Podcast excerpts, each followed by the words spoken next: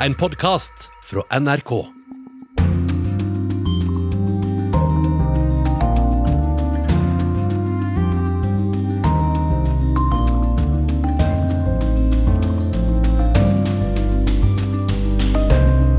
Taliban kom til Norge med ønske om hvite duker på bordene og anerkjennelse, men endte opp med å måtte dele middagsbord med kvinneaktivister og reise hjem med tydelige krav fra USA og Europa.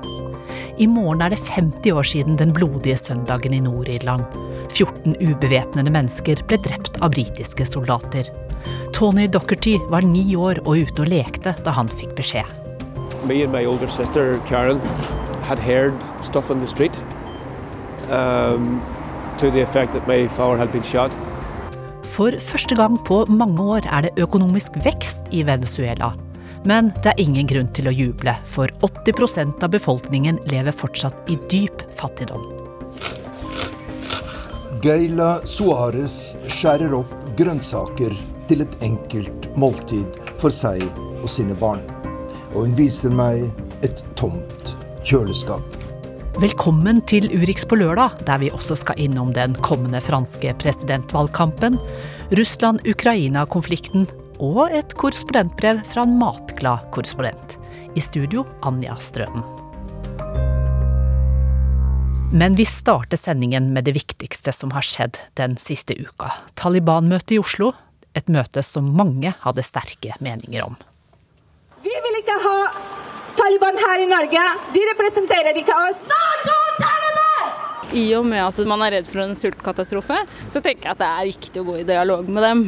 Jeg skjønner at noen kan bli provosert, kanskje særlig de som har flykta derfra. og Det er litt rart fra liksom at vi er i krig mot dem, til at de er her. Ja, jeg er ikke noe mot forhandlinger, men jeg er mot terrorister. Samme dag som møtet var over, så gikk FNs generalsekretær Antonia Guterres på talerstolen i Sikkerhetsrådet og minnet om følgende. Six months after the takeover by the Taliban, Afghanistan is hanging by a thread. For Afghans, daily life has become a frozen hell. Seks måneder etter overtagelsen av Taliban så henger Afghanistan i en tråd. Dagliglivet er blitt et frossent helvete. Korrespondent Yama Wolasmal, beskriv hvordan dette frosne helvetet oppleves for folk i Afghanistan. Er det ett sted hvor man eh, kan si at et land står på kanten av stupet, akkurat nå så er det Afghanistan. Eh, halvparten av landets befolkning står overfor en akutt sultkatastrofe. Av dette er én million barn.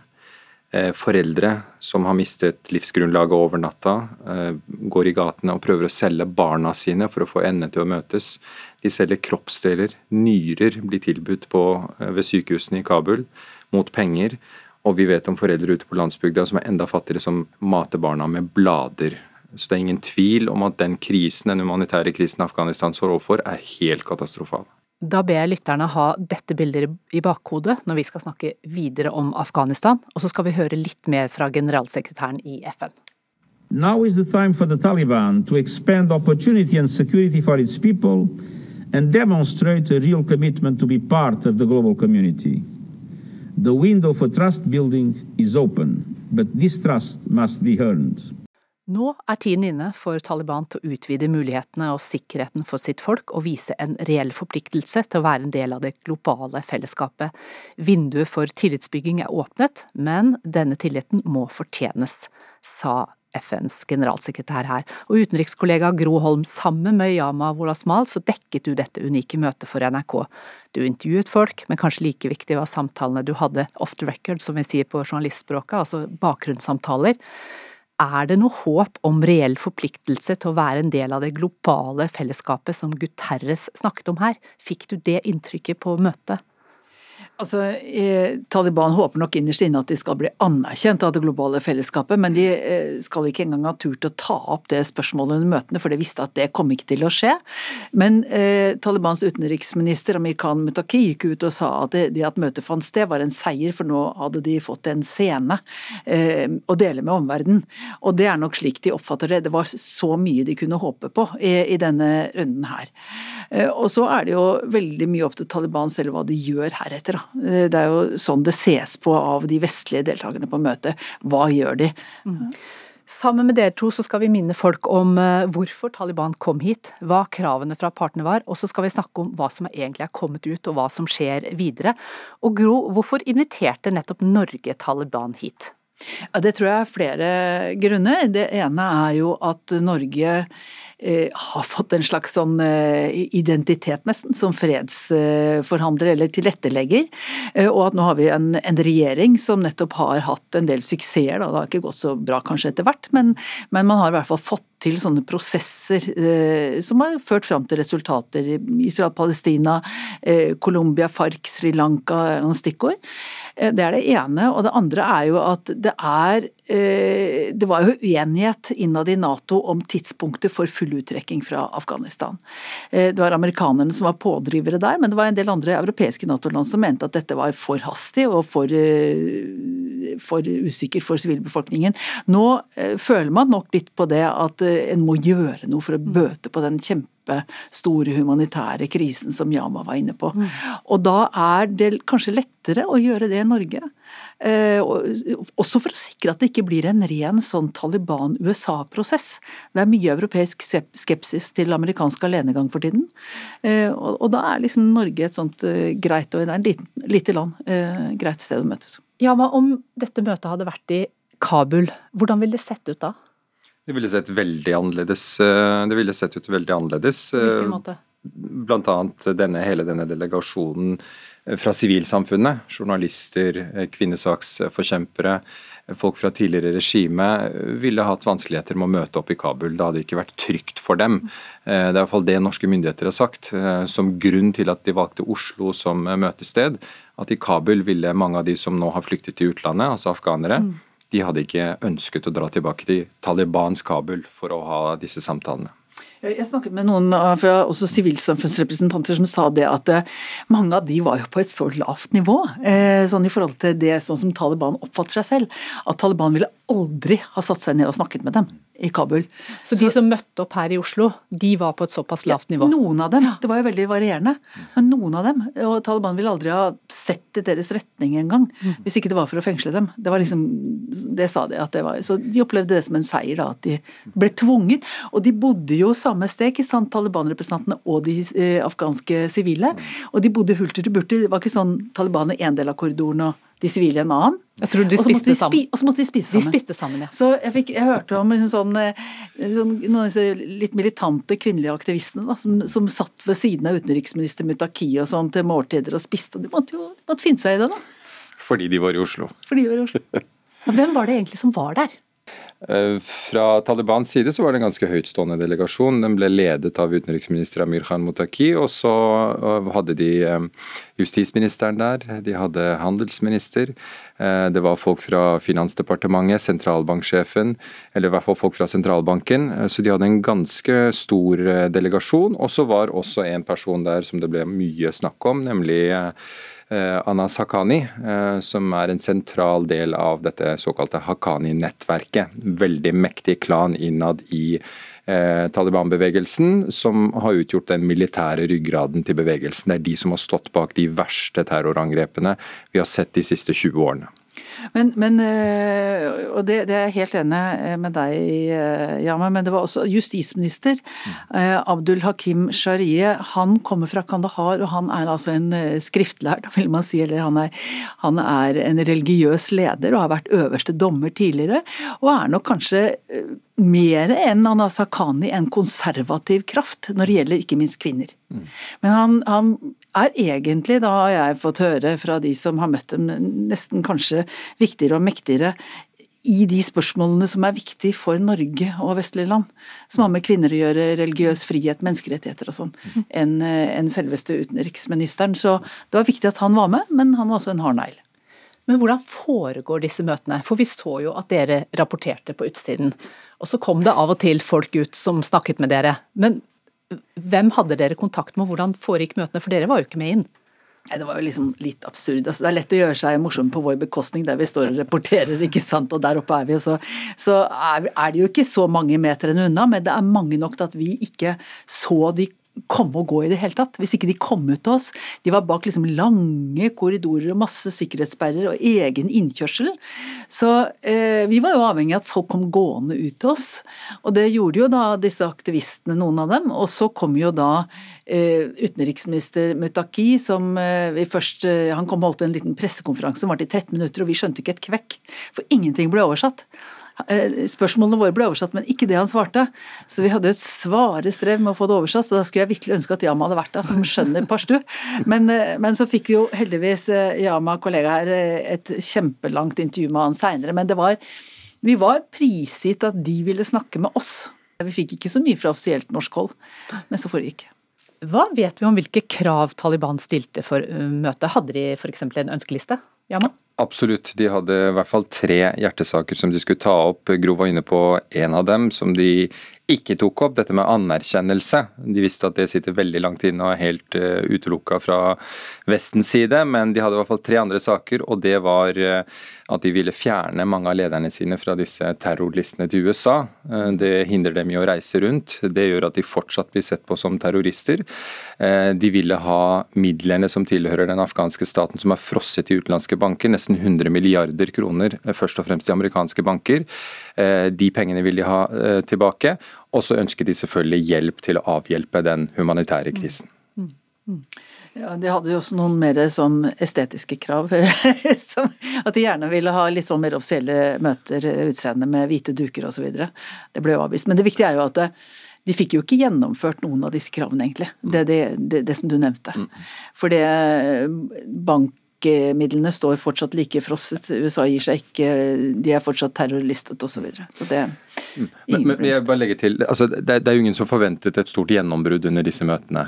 Dette var et første steg på vei til en mulig løsning. Så Det var viktig på dette møtet at alle parter får luftet de viktigste sakene de ønsker å ta opp. Og det klarte man. Men hvilke krav stilte Norge, og var de kravene samkjørt med USA og de andre landene?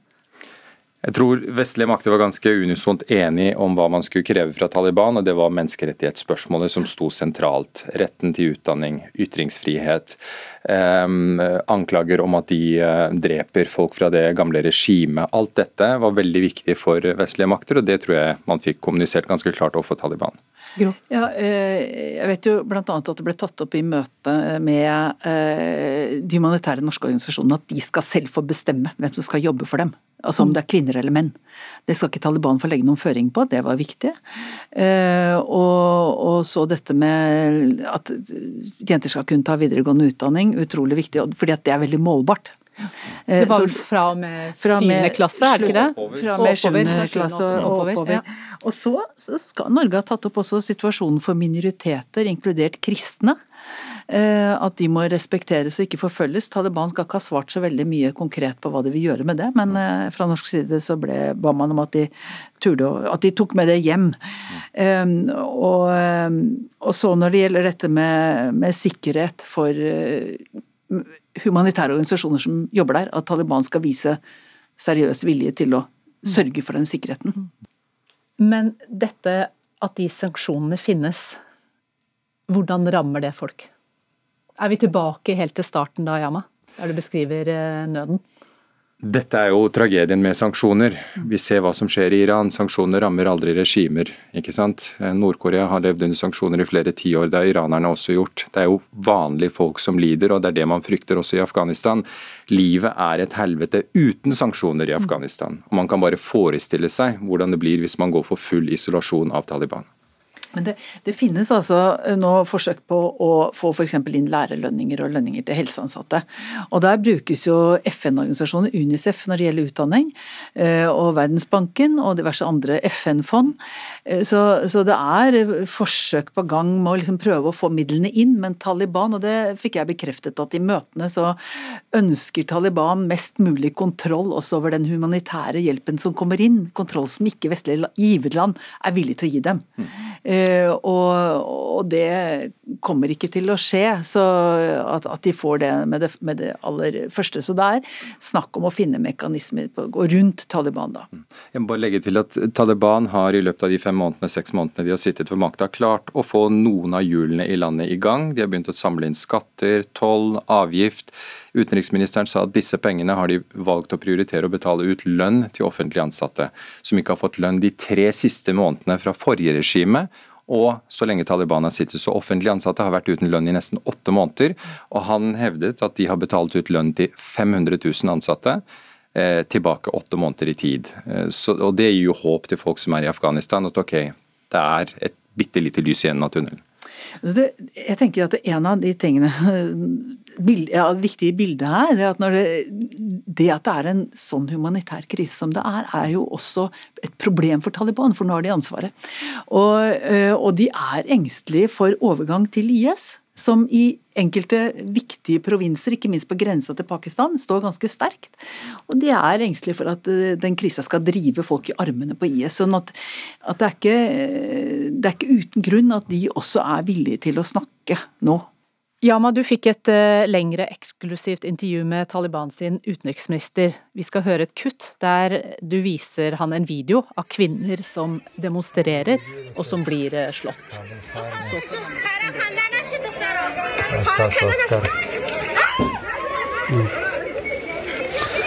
زه به تاسو یو خبره وکم تر ډیره حد پوري دا ټیکټ تر ډیره حد پوري مظاهره Ja, men Hva sier Taliban sin utenriksminister her? Nei, Han avviste blankt at det var deres folk som slo kvinnene i disse videoene, selv om jeg ga han bildebevis. Han hevdet at dette var folk som eh, Eh, kledde seg ut som Taliban-soldater og gikk løs på kvinner for at disse aktivistene skulle ha en scene å filme for å kunne spre det i sosiale medier, og på den måten sverte Taliban. Så han avviste det blankt, og det må jeg si overrasket meg veldig. Jeg tenkte at når jeg drar frem den iPaden og gir han en video som virkelig viser en politibil hvor en Taliban-soldat hopper ut og pisker damer, at han ikke ville kunne nekte for det, men han gjorde det. Og Du stilte han jo en haug med spørsmål hva var det som overrasket deg mest med svarene du fikk? Det som overrasket meg mest, var at han ikke tok selvkritikk på noe som helst. Verken når det gjaldt fortiden deres, med all terrorvirksomheten de har holdt på med, drap på sivile, vold mot kvinner, at de har stengt muligheten for utdanning for ungjenter, tenåringsjenter. Det var ikke et snev av selvkritikk. Han beklaget overfor ingen. Det må jeg si når han kommer til Oslo og håper at verden skal få et bedre bilde av Taliban, så hadde han jo en gyllen mulighet nå til å imøtekomme noe av den kritikken og møte kritikerne sine, i hvert fall halvveis. Han, det fantes ikke noen, noe som helst selvinnsikt eller eh, selvkritikk. Så skal vi bare minne om at du kan se hele dette intervjuet med Taliban sin utenriksminister på nrk.no. Men eh, Gro Holm, når vi hører dette her, hva, hva, hvilke tanker gjør dere som har vært der og dekket møtet om framtiden nå for Afghanistan?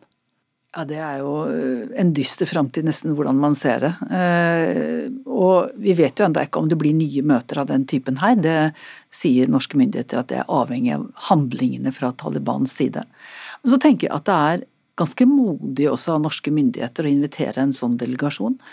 Eh, fordi det er folk som man har elsket å hate i flere tiår, og som man har ført krig mot. Det finnes norske ofre for den krigen. Og så har man invitert dem til samtale. Det syns jeg er litt modig. Jeg er bitte litt optimistisk etter det møtet her. Eh, fordi jeg tror både vestlige makter, Norge og Taliban er enige om én ting, at man må gjøre noe med den humanitære krisen. Der er det allerede ting på gang. Norge har økt bistand til Afghanistan gjennom internasjonale fond. Pengene går selvfølgelig direkte til Taliban. Og så har vi sett at EU har åpnet en slags ambassade i Kabul, og de har lovet fem milliarder kroner i bistand som et sånn førstebeløp. Eh, så jeg tror det skjer ting på den humanitære fronten som forhåpentligvis vil gjøre denne katastrofen litt mindre i månedene som kommer.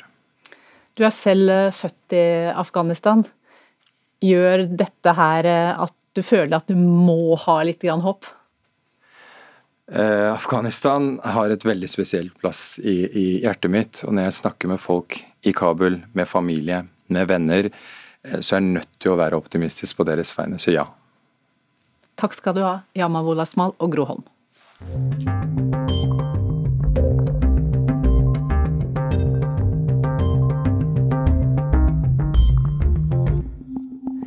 I morgen så er det 50 år siden den blodige søndagen i Nord-Irland. Til sammen 14 mennesker døde da britiske soldater skjøt mot ubevæpnede borgerrettighetsdemonstranter. Massakren ble et vendepunkt i konflikten mellom de som støttet det britiske styret, og de som ønsket et forent Irland. En krigslignende tilstand som varte helt til slutten av 90-tallet. Korrespondent Gry Blekastad Almås har møtt sønnen til en av dem som ble drept søndag 30. januar 1972, på stedet der faren ble drept på Bloody Sunday. So my, my father was probably around here. Tony Dockertys foreldre deltok begge i borgerrettsmarsjen som krevde likebehandling av katolikker i Nord-Irland. De var imot britisk styre og for et forent Irland. Tony var hjemme alene og ute i gata og lekte med jevnaldrende da en av dem fortalte at faren til Tony var skutt og drept. Me and my older sister Karen had heard stuff on the street um, to the effect that my father had been shot.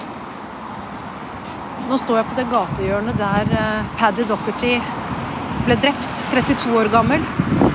Han hadde seks barn, og Tony var eh, ett av de barna. Han var ni år da faren hans eh, ble drept, og han lever fremdeles med minnene fra denne dagen. Den blodige søndagen i 1972. My generation uh, of school children actually grew up with a, a great sense of, of uh, wrong and justice, and many of them joined the IRA when they became teenagers, uh, and many of them went, went to prison, including myself. Min generasjon vokste opp med en følelse av urettferdighet, sier Tony Docherty. Mange ble med i den britiske republikanske hæren, IRA. En organisasjon som brukte vold, terror og drap som kampmiddel gjennom en 30 år lang konflikt med det britiske styret. Også Tony ble med i IRA. Han ble fengslet som 18-åring for å ha plassert en bombe i Derry sentrum. Ingen ble drept eller skadet. I'm not, I'm not the architect of the, of the conflict. I'm as much a, the result of the conflict as, as I was a, a, an actor uh, within it. Det var ikke jeg som skapte konflikten, jeg er et resultat av den, sier Tony Docherty. Denne helgen er han med på de mange arrangementene som markerer at det er 50 år siden den blodige søndagen. Denne bydelen Bogside er jo veldig preget av de 30 årene med uro i Nord-Irland som har fått tilnavnet The Troubles. Det er veggmalerier nesten på hvert gatehjørne her som illustrerer eh, den kampen eh, som ble kjempet. There is no British rule, står det på et av disse veggmaleriene. Et annet viser eh, en person med gassmaske. Og det er malerier som viser den borgerrettskampen Eh, som katolikkene kjempet mot det britiske styret eh, på denne tiden på slutten av 60-tallet og begynnelsen av 70-tallet. Det er ingen tvil om at denne byen fortsatt er sterkt preget av den blodige søndagen for 50 år siden.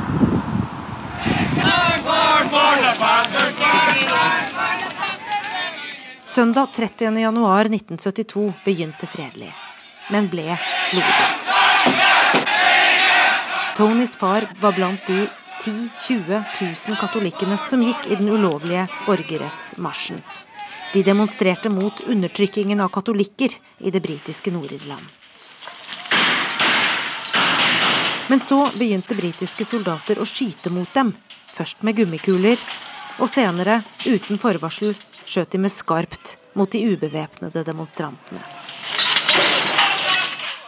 13 ble drept der og da, blant dem var Tonys far. En 14. person døde senere. Ifølge granskningsrapporten som kom mange år senere, var de som ble skutt på flukt eller prøvde å hjelpe andre. Ingen var en trussel mot soldatene. Tony Docherty har tatt oss med til museet i Derry, som forteller historien om den blodige søndagen. Han stopper ved farens belte, som står utstilt. Det har skuddhull i seg. Et stort bilde av faren som ligger død på bakken, er utstilt ved siden av. It's, it is upsetting. Uh, it's very unsettling, and that, that's why I'd, I don't come into the museum that often. I come in when I have to come in. Um, Han orker ikke komme til museet så ofte. Men det er også noe som forteller om fremskritt her. Han ser en filmsnutt av seg selv til stede da den britiske regjeringen offentlig beklaget det som skjedde, nesten 40 år etter at det hadde skjedd. On behalf of the government, indeed on behalf of our country, I am deeply sorry. That meant a lot. We never, nobody ever expected that to, to happen in the way that it did. Uh, apologies from governments are usually couched in such terms that it's not really an apology, but this one was obviously very different. Daværende statsminister David Cameron leverte en ekte beklagelse i 2010, syns Tony Docherty. I morgen er det gått 50 år. Tony skal gå den samme ruta som faren og de andre demonstrantene gikk, sammen med familiene til de andre drepte. Men konflikten er ikke over ennå, og sårene har ikke grodd.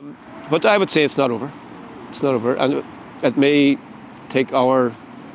manifestations as, as we go forward. It's, it's difficult to say at this stage, but it's not over. Det sa Tony Docherty til Gry Blekastad Almås, og det blir mer fra markeringen i Søndagsrevyen i morgen kveld.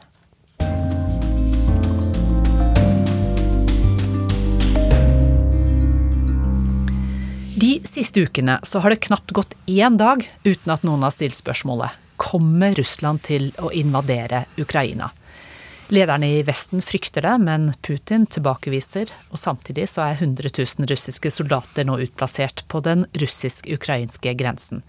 Og imens så pågår det intense diplomatiske samtaler. Utenrikskollega og tidligere Russland-korrespondent Morten Jentoft, hva er siste nytt de siste timene nå?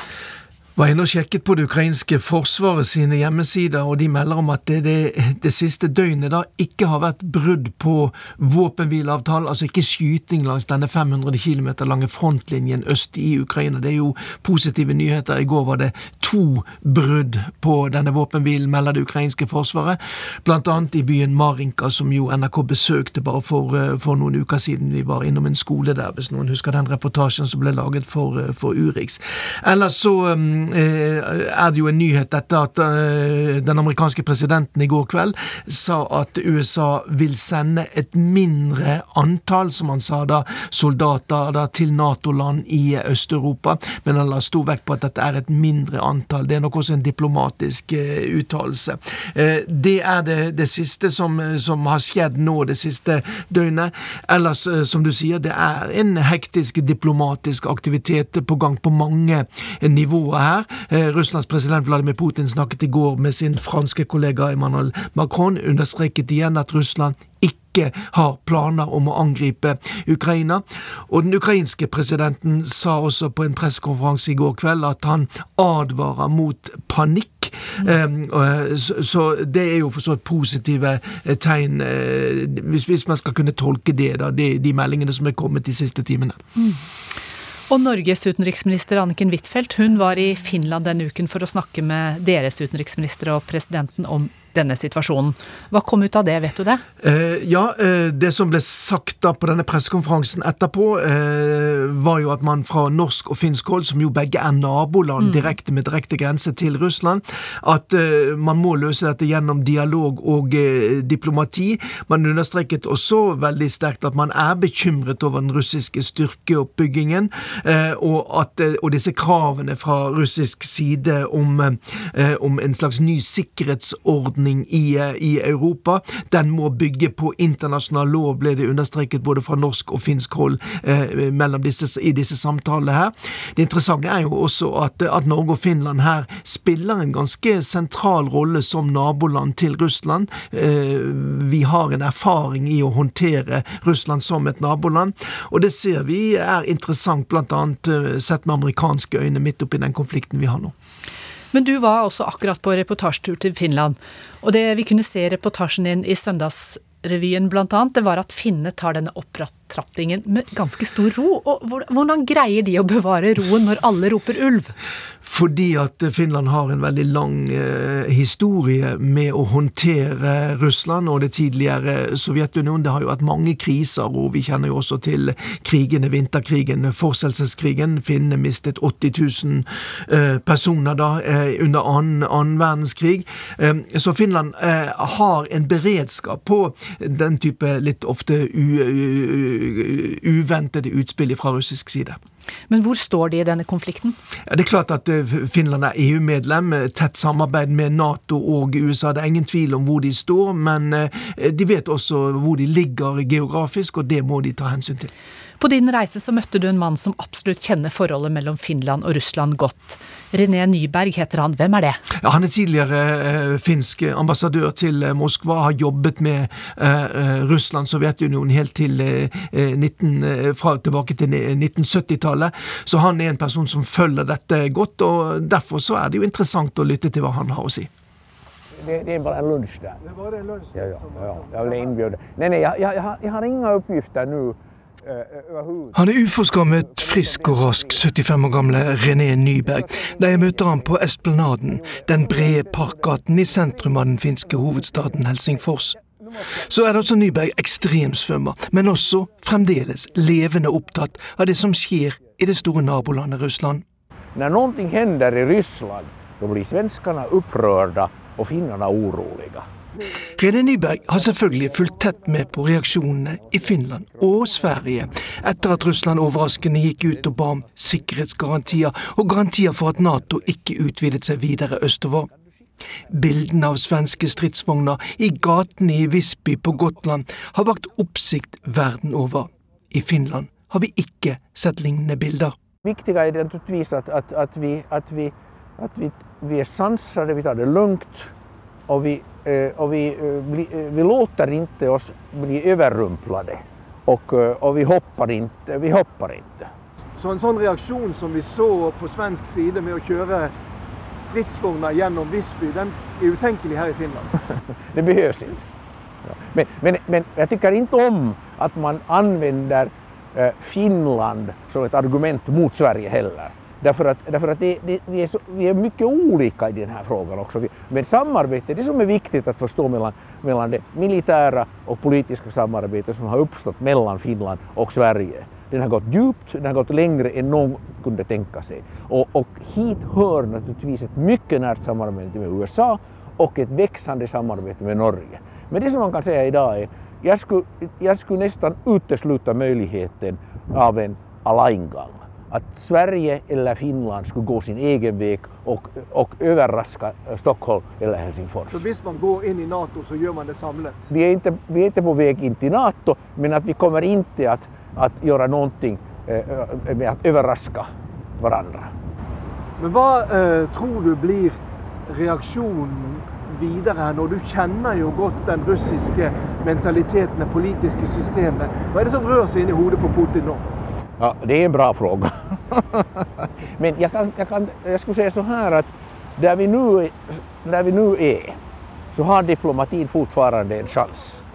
Därför att den diplomatiska processen som är pågående nu med Blinken, äh, Blinkens resa med, med äh, den amerikanska presidenten Biden säger och överhuvudtaget kontakterna, den är inte slutförd. Jag tror själv inte på, på att det blir krig, men någonting kan hända. Jag tror inte på krig därför att, därför att priset för krig är så högt. Och, och, och det, blir en blod, det blir ett blodbad om det finns. Det att uh, den amerikanske presidenten Joe Biden ringer til den finske presidenten Sauli Niinistö, forsvarssjefene uh, uh, snakker sammen. Hva betyr denne amerikanske interessen i retning Finland? Hvorfor tror du den skjer? Alltså med en, med en erfaren president som har länge umgåtts med, med ledare så har Niinistö naturligtvis en stark position och på grund av att han, att han har utvecklat, att han har utvecklat och, och så att säga använt eller så att säga varit mån om att, att ständigt ha kontakt också med, med, med Vladimir Putin gör det naturligtvis att, han är på att, att vi, har en, vi har en kontakt till, till Kreml som är, som är relevant. Vad tror du Putin tänker om den kontakten? Hvor viktig er den for han? Han har ju inte hemskt många västliga kontakter som är, som är, som, som, som man sku, som, som är jämförbara nu när Merkel, Merkel är borta. Så att det är en del av den stora bilden för, ett, för en stormakt. Man ska inte över, överdriva naturligtvis Finlands betydelse här, men det är en etablerad kontakt som har sin, sin betydelse även för Kreml. Det sa René Nyberg, som har vært ambassadør i Moskva for Finland, til kollega Morten Jentoft. Vi skal til Venezuela, der det nå er økonomisk vekst for første gang på mange år. Men det, sto, det store flertallet har ingen glede av denne veksten, for 80% av familiene lever fortsatt i dyp fattigdom. Geila Suárez skjærer opp grønnsaker til et enkelt måltid for seg og sine barn. Og hun viser meg et tomt kjøleskap. Nada, no tengo. Es un jugo, una bebida. Her er det bare litt juice, sier hun. Og ingenting annet. Hun bor ved grensen til Colombia og er egentlig lærer. Men lønna var ikke til å leve av, og nå prøver hun og mannen å fø familien på tilfeldige småjobber. Vi har det veldig vanskelig. Hele tiden på jakt etter en jobb. En stadig kamp for å skaffe oss det mest nødvendige, sier 33-åringen. Situasjonen i dagens Venezuela er et enormt paradoks. Mens 80% av familiene lever i dyp fattigdom, bugner det av varer i butikkene etter at myndighetene har tillatt utenlandsk valuta og fri import av varer. Kjøpmannen Richard Lagala viser oss vareutvalget, og nesten alt er importert fra Colombia til skyhøye priser. Una det en offentlig ansatt tjener i måneden, er kun nok til å betale dette, sier Lagala og holder opp to poser med venezuelansk maismel. Kjøper man dette, kan man ikke kjøpe mer denne måneden. Det er gjennomsnittslønna til en venezuelaner, forklarer kjøpmannen. NRK reiser med hjelpeorganisasjonen Caritas, som ivaretar vår sikkerhet i et område med mye vold og kriminalitet. Caritas er Venezuelas største hjelpeorganisasjon, og millioner av mennesker er avhengige av dens hjelp for å overleve. Flere hundre familier møter opp når organisasjonen deler ut mat i byen San Cristobal i delstaten Tachira. Fembarnsmoren Sandra Chacon begynner å gråte når jeg spør henne hvordan livet er for familien. Det blir stadig verre. Stadig verre.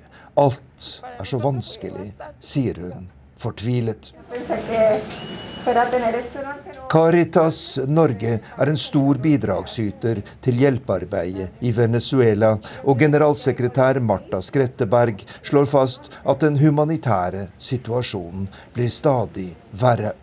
Målinger i matforbruket for 2020-2021 eh, viser at matinntaket har falt ytterligere med mellom eh, 3 og 13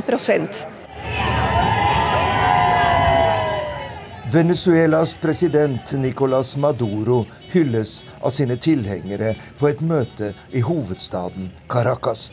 Etter nærmere ni år ved makten er han godt fornøyd med situasjonen i landet.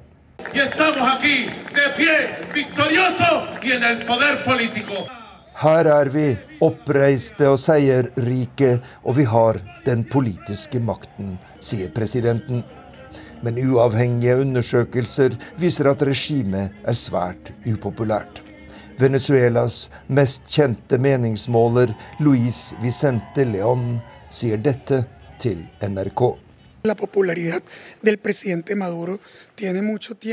President Maduros popularitet har for lengst falt dramatisk, og den beveger seg mellom 15 og 18 sier Leon, som er direktør for instituttet Data Analysis. Men det er ikke bare regjeringen som er upopulær. Opposisjonslederen Juan Guaidó, som er anerkjent av USA og andre land som landets president, har også falt kraftig på målingene.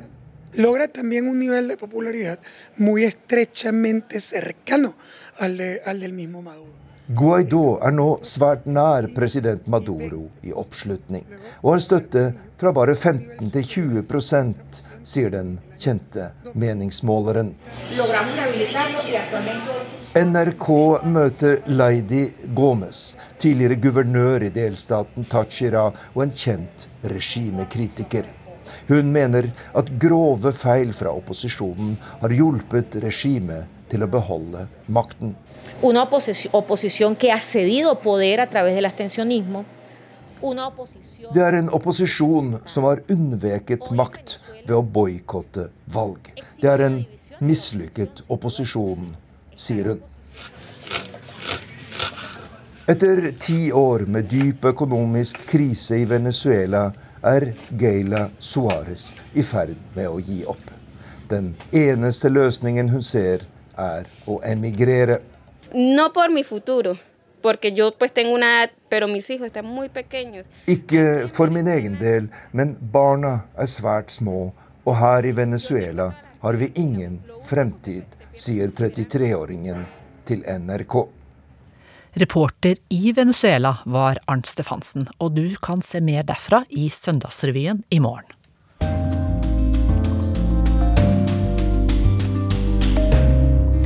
Denne våren så skal det være presidentvalg i Frankrike, og de siste månedene så har spekulasjonene gått høyt, mens kandidat etter kandidat har lansert seg.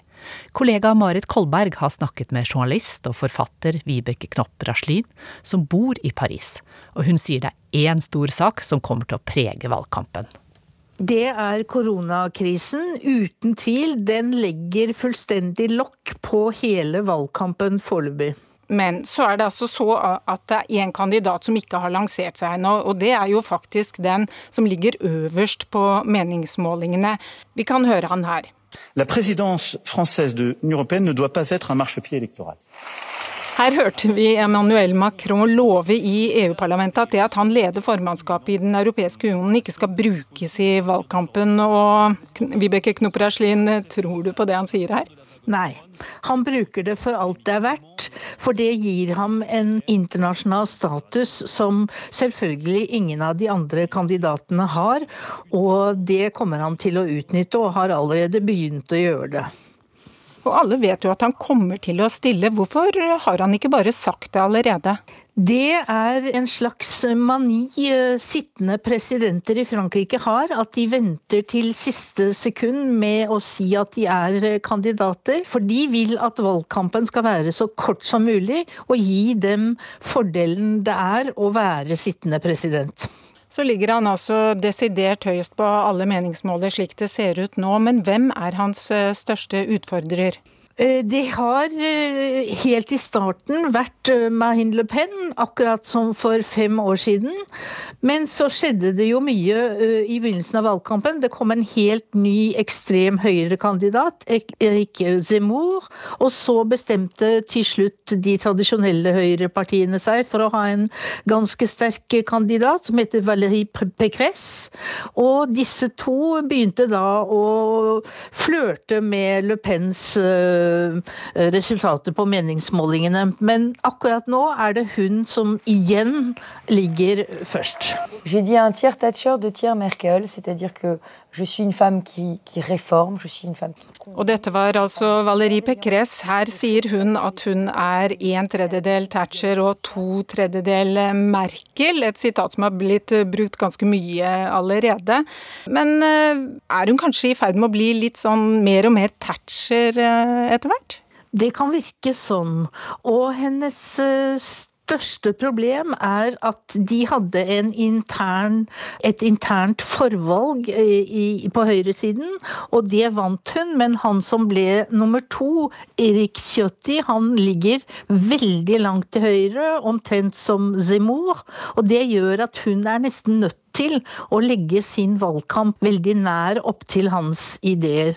Så har vi jo hatt kvinnelige presidentkandidater før, men tror du franskmennene er klar for en kvinnelig president? Jeg håper jo det, men det er slett ikke sikkert. Og det er veldig mange ganske sånn mannssjåvinistiske slengbeverkninger som kommer. Det er ikke så enkelt, tror jeg. Det er kanskje litt tidlig ennå. Det er fælt å si det, men sånn er det. Pour que nos enfants et nos petits-enfants ne connaissent pas la barbarie, pour que nos filles ne soient pas voilées Nå har vi jo sammenlignet den forrige kandidaten med Merkel og Thatcher, og dette er jo en kandidat som selv har eh, sammenlignet seg med Trump. Ja, og den sammenligningen er det veldig mange som gjør, med rette kan man si. Zemmour elsker å komme, akkurat som Trump, med veldig utfordrende utsagn. Et av dem er at han sa at uh, Pétain, som var uh, i Frankrikes uh, Quisling under krigen, beskyttet jødene. Det må han nå stå i retten for å ha sagt. Han er jo egentlig ikke politiker, han er journalist og forfatter, men han har altså slått veldig igjennom eh, i denne valgkampen. Og den forrige som ble Macrons eh, utfordrer eh, ved det forrige valget, Marine Le Pen, hva skal vi si om henne? Je veux rendre aux Français leur pays. Je veux leur rendre leur sécurité. Jo, som sagt, hun ligger ganske godt an igjen. Nå må man være litt forsiktig med franske meningsmålinger, for de er ikke alltid så veldig pålitelige. Men akkurat nå har hun fått eh, et slag for baugen ved at hennes niese, som også er politiker, har sagt at hun ikke kommer til å støtte sin tante. Og det sa Marine Le Pen at hun syntes var veldig støtende og, og vanskelig. Men alle disse vi snakker om nå, hvor i all verden er den eh, franske venstresiden? Ja, den er dessverre nærmest fraværende. Det vil si, det er den ikke, det er litt slemt sagt, men den gjør veldig lite av seg, og dens representanter får for, veldig forsvinnende små skåringer på meningsmålingene. F.eks. Sosialistpartiets kandidat, Anne Hidalgo, får i den siste meningsmålingen 2% og så lavt tror jeg aldri vi har sett en sosialistkandidat. Og som vanlig så er det jo outsidere i et eh, presidentvalg. Vi har jo allerede snakket om Erik Semor som virkelig kom inn fra Høyre, for å si det sånn. Og så har vi en som har hatt en eh, litt uvanlig oppvarming.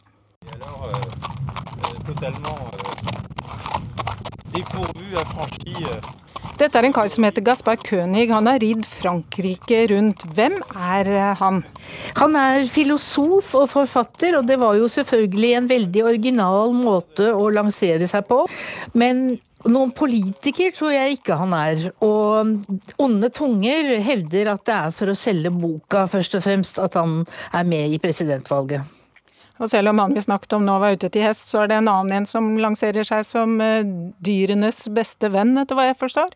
Det er ikke uinteressant. Jeg tror ikke hun får så veldig mange stemmer i valget, men det er en problematikk som franskmenn er veldig opptatt av. Og det kunne kanskje i en annen setting bety mye, men som sagt, jeg tror ikke det er nok eh, som valgprogram for å bli president. Dette er jo en valgkamp da, som eh, ligger i startgropa, eller så vidt er i gang. Men det har jo allerede versert litt eh, stygge rykter om førstedamen, og det har vært hissig munnhuggeri til tider. Er det en skitt 2019-valgkamp eh, Frankrike har i vente, tror du? Jeg tror eh, den allerede har begynt å vise skitne tendenser. Og det tror jeg kanskje er relatert til at eh, såkalte fake news og drittkasting og trakassering på sosiale medier osv. Og så videre, også har kommet for fullt i Frankrike. Og det siste man kan si om valgkampen, er at den kommer til å bli uhyre kort kort. Eh, ifølge de siste ryktene så kommer eh, Macron sannsynligvis ikke til å si at han er kandidat før 4. mars, og det er jo lenge til. Det sa journalist og forfatter Vibeke Knopp Raslin. Og første runde i det franske presidentvalget, det er i begynnelsen av april. Det begynner vel å nærme seg lunsjtid, så da kan det jo passe å snakke om mat. Og korrespondent Roger Severin Bruland, han elsker å gå i matbutikker når han reiser i Europa. Men det er ikke alltid maten smaker like mye. Ukas korrespondentbrev er postlagt i Berlin. Etter to år der vi tidvis ikke kan gå på konsert, restaurant eller fotballkamp, har mat blitt et viktig høydepunkt i hverdagen. Dette har fått meg til å tenke på hva mat jeg savner fra Norge. Mange matglade nordmenn jeg kjenner, snakker ned den norske maten. Utvalget er lite og fantasien fraværende. Men heime har vi jo fersk fisk, torsk, fiskekaker, grønlandsreker, kaviar på tube, norvegiaost og god mjølk. Jeg blir ofte bedt om å ta med meg norsk majones på tube og kanskje en boks eller to med fiskeboller til Berlin.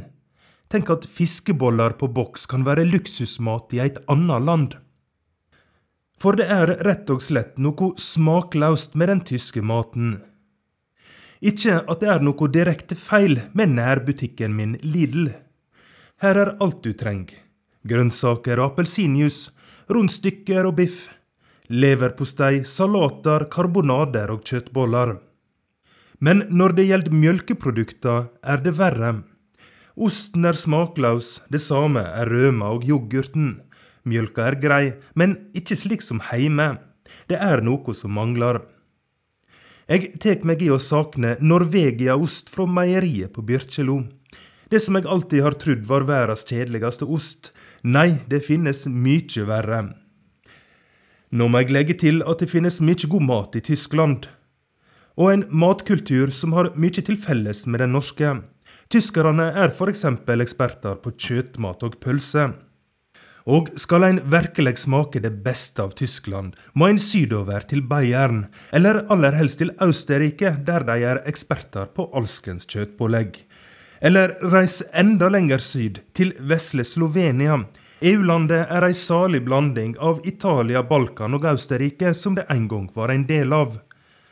Her kan du virkelig nyte spekemat i verdensklasse. Kanskje er det da ikke så rart at slovenske Anna Roche la diplomatkarrieren sin på is, og starta det som ble en av verdens mest berømte restauranter. Kjendisstatusen nådde astronomiske høgder med egen episode i Netflix-serien Chef's Table. Da jeg møtte henne for noen år siden, spurte jeg hva som var hemmeligheten. Svaret var at hun hadde over 70 lokale bønder som leverte kortreist mat, alt fra urter til ost og heimeslakt. Så er det så enkelt som at den tyske maten er offer for stordrift. 80 millioner mennesker må ha mat, og da kan en ikke basere seg på økologisk drømmeri. Og dreg du sørover fra Berlin på autobanen, er veikroene bombardert av McDonald's og Burger King, sjølve symboler på den globaliserte og smakløse maten til massene. På vei til Italia er det verdt å nevne at jeg kommer fra en del av landet der det blir laga pizza Grandiosa. Jeg elsker Grandis, men en italiener vil heller dø enn å smake slik styggedom. Jeg glemmer aldri da jeg var i et nedstengt Venezia i 2020. Ingen restauranter var åpne, og utenfor hver supermarknad var det lange køer. Men jeg var forberedt. Jeg hadde vært på Kaufland i Berlin og kjøpt noe lapskaus på boks. Herligheta varma jeg opp i ei kasserolle på kjøkkenet til den vesle leiligheta jeg hadde leid til meg og min italienske fotograf. Jeg kunne formelig høre det rumla i den italienske magen, men når fotografen så den tyske lapskausen, bare rista han på hovedet. Han ville heller svelte enn å ete tysk boksemat. Og når jeg så fortalte han om pizza Grandiosa-eventyret i Norge, bare vrei han seg i avsky. Altså, Italia er 60 millioner mennesker, men maten er god trass stordrift. Det vil si at det finnes billig mat til vanlige folk som smaker godt. Det samme gjelder norsk mat, mener jeg. Her er et minimumsnivå av kvalitet. Dette minimumsnivået har de ikke i Tyskland. Og når en innser seg helt vanlig mat som vi er vant til i Norge, må tyskerne ofte gå på dyre spesialbutikker. Hvorfor er det slik? Det er kanskje for enkelt å bortforklare det med stordrift. Handler det også om mangel på matkultur? En fotograf jeg har jobba med ganske mye, fortalte meg en gang om oppveksten sin i det gamle DDR. Under kommunismen var det rasjonering av mat. Og mat blei til slutt sett på mer som næring enn nytelse. Han fortalte om faren som fremdeles rører ut fin rødvin med sukker. Denne franske vinen var altfor sur, må vite. Og sjøl om mange fra det gamle DDR nå tjener godt, er mat fremdeles noe en ikke bruker unødvendig mye penger på.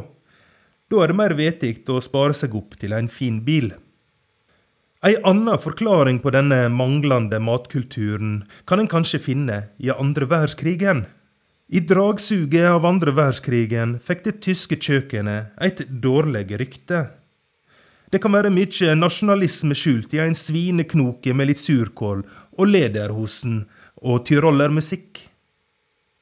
Det er bare å se på restaurantene i Berlin.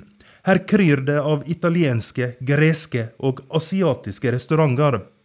Først når en kommer til Bayern og Austerrike, begynner gjestgiveria med flesk, saus, poteter, det en forbinder med tysk bondekost. Det som er igjen av det tyske kjøkkenet, har fått et slags underlig hurtigmatpreg. Det er bare å sette seg ned ved hva som helst slags biergarten. Her kommer det steikte pølser bak potet og en grilla kylling med pommes frites, i lange baner. Til sjuende og sist er det nå ikke så ulikt den maten vi spiser i Norge. Det er bare det at vi har klart å holde på kvaliteten litt lenger enn tyskerne. Enn så lenge. Urix på lørdag takker for laget. Husk at du alltid kan høre oss som podkast. Teknisk ansvarlig Bobo Bjørnskjold, produsent Ulf Tannesfjell, i studio Anja Strønen. Du har hørt en podkast fra NRK. Du kan nå høre alle episodene i denne serien i appen NRK Radio.